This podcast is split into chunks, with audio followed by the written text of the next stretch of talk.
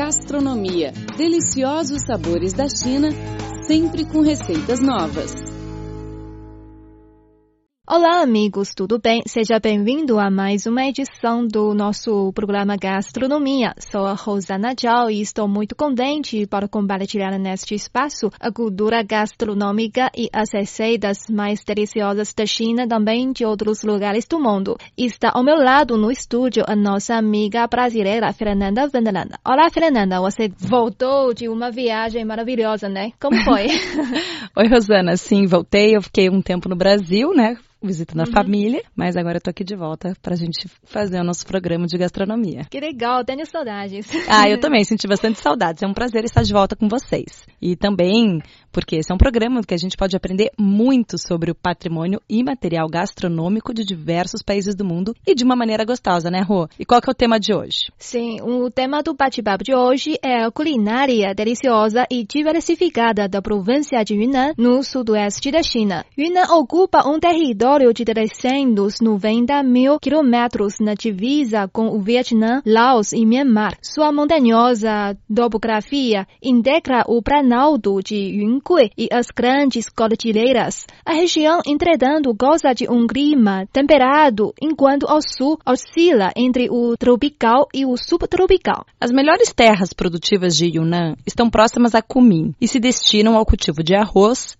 trigo e milho. O chá preto de Pu'er também é apontado como uma de suas principais riquezas. Yunnan também abriga diferentes grupos étnicos relacionados com as diferentes populações do Sudeste Asiático. São ricos os recursos turísticos nessa província também. Espalham-se na região vários recantos pitorescos. Kunming é a capital de centro político, econômico, cultural, tecnológico e de transporte da província de Yunnan, contando com uma história de 2.400 anos. Trata-se de uma cidade bem cuidada, com ruas agradáveis, numerosos espaços verdes e razoável ordenamento urbano. Há mais de 26 minorias étnicas que vivem na região, como Yi, Bai, Miao, Dai, Hani e entre outras. Como a porta de entrada da China para o Sudeste e o Sul da Ásia, durante mais de dois milênios, Kunming era o centro de trocas comerciais, bem como de intercâmbios culturais e políticos na Rota da Seda do Sul. A cidade é cercada de montanhas por quase todos os lados. Em outro lado fica situado o Lago Jiangxi, o maior lago da província. A localização geográfica dá a Kunming um clima de primavera constante, com uma temperatura média de cerca de 15 graus pouca variação nas temperaturas ao longo do ano, fazendo com que as plantas da cidade se revezem para florescer nas quatro estações. Em decorrência disso, Kunming é conhecida como a cidade da primavera perpétua e cidade das flores. A culinária de Yunnan é semelhante à da província vizinha de Sichuan, mas distinta por incorporar ingredientes de especialidades étnicas em pratos da etnia Han. Os pratos típicos de Yunnan gozam de bom nome em todo o país, entre eles presunto, macarrão de arroz, frango cozido no pote ao vapor e pato assado. Essas iguarias são picantes, doces e ácidas, destacando o sabor original de seus ingredientes locais. Na região central de Yunnan, como Kunming, Shuqiong e Yuxi, a culinária combina a essência dos pratos de toda a província. No nordeste de Yunnan, a cozinha replete o cruzamento de influência de Sichuan e estende os domínios dos molhos agridoces e da pimenta vermelha, uma especiaria reconhecidamente estimulante. A região do oeste mantém as características alimentar da etnia Bai e é rica em produtos lácteos e aquáticos do lago de água doce. E no sul, os moradores comem mais arroz e alimento fermentado. Os diversos tipos de cogumelo, legumes selvagens, frutas são sempre presentes em mesa dos moradores locais.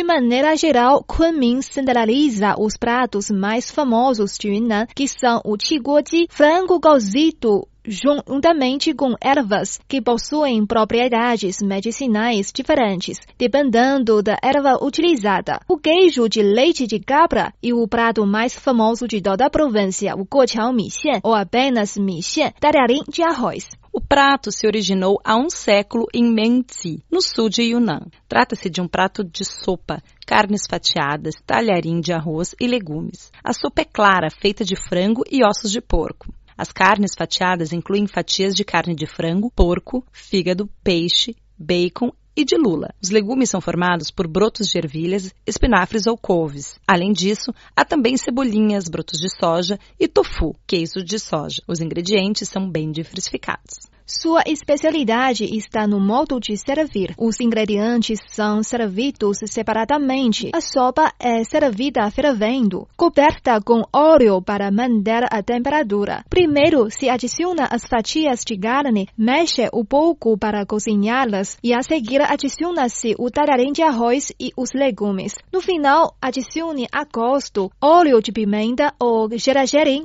sal, etc. O prato tem uma história para contar. Por falar nisso, temos que começar com o seu nome.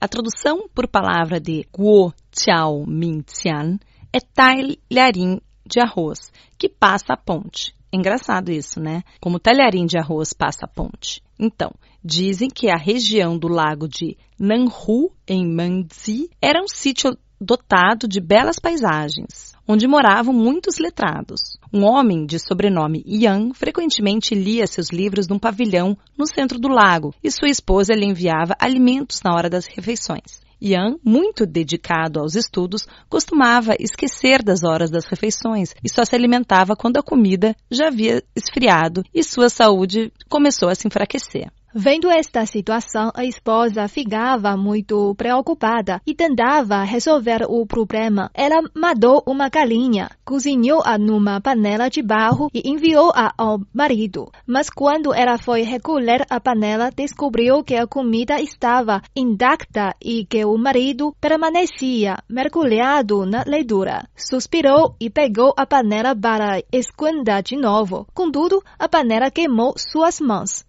Ao retirar sua tampa, descobriu que a panela de barro conservava melhor o calor e que uma camada de óleo na superfície do caldo mantinha a comida quente. Daí, a mulher começou a utilizar a panela como recipiente térmico, acrescentando o caldo de galinha, o talherim de arroz, legumes e fatias de carne. Os vizinhos passaram a imitar a receita da esposa de Yang. Da casa do pavilhão, no centro do lago, o letrado Yang e sua esposa tinham que passar por uma ponte. Em virtude disso, a população batizou a receita aceita como Guo Jiao Mi Xiang, que significa o talharim de arroz que passa a ponte. O frango cozido juntamente com ervas, conhecido como o qiguoji em chinês, é um prato famoso da província de Yunnan e tem uma história de mais de 200 anos. O qiguo é uma panela a vapor de barro, produzida em Jianshui. O recipiente é usado principalmente para cozer alimentos. Para preparar a delícia, limpe a galinha e corte em pedaços. Goza com gengibre, alho poró e alguns tipos de ervas com comestíveis por cerca de três horas.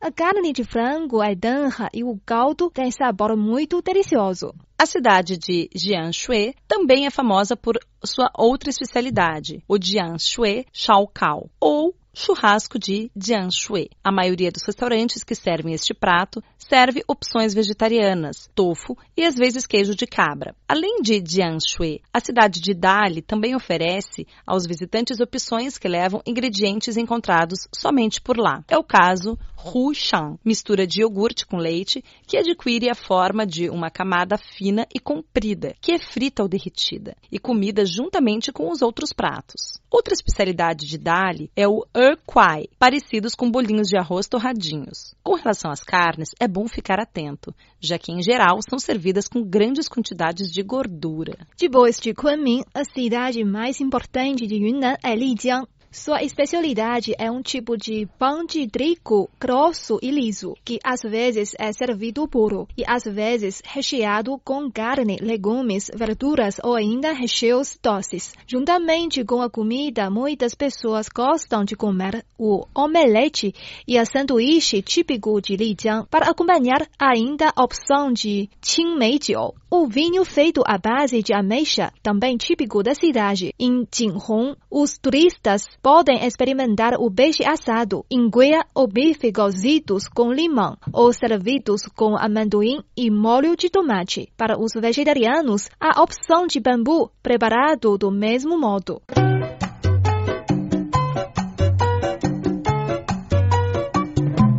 Olá, caros ouvintes, você está acompanhando o programa Gastronomia. Eu sou Rosana Zhao. E eu sou a Fernanda Vendla. A província de Yunnan é considerada como a terra natal do chá da China, onde produz vários tipos de chá. Entretanto, o chá de Pu'er é o mais prestigiado. O nome Pu'er se origina da cidade Pu'er. O lugar é famoso por ser a origem da plantação das árvores de chá e da cultura do chá no mundo. A cidade Pur é a origem da rota antiga do chá e cavalo e tem uma história de 1800 anos, o que concebeu a cultura do chá de Pur. Durante a época da sociedade feudal chinesa, existiam duas rotas de comércio importantes no sudeste da China, chamada de Rota Antiga de Chá e Cavalo. Além dos ou dois canais, o chá e outros produtos eram transportados para os países do leste da Ásia, como Índia e Nepal. Uma delas parte da província de Sichuan e outra de Yunnan.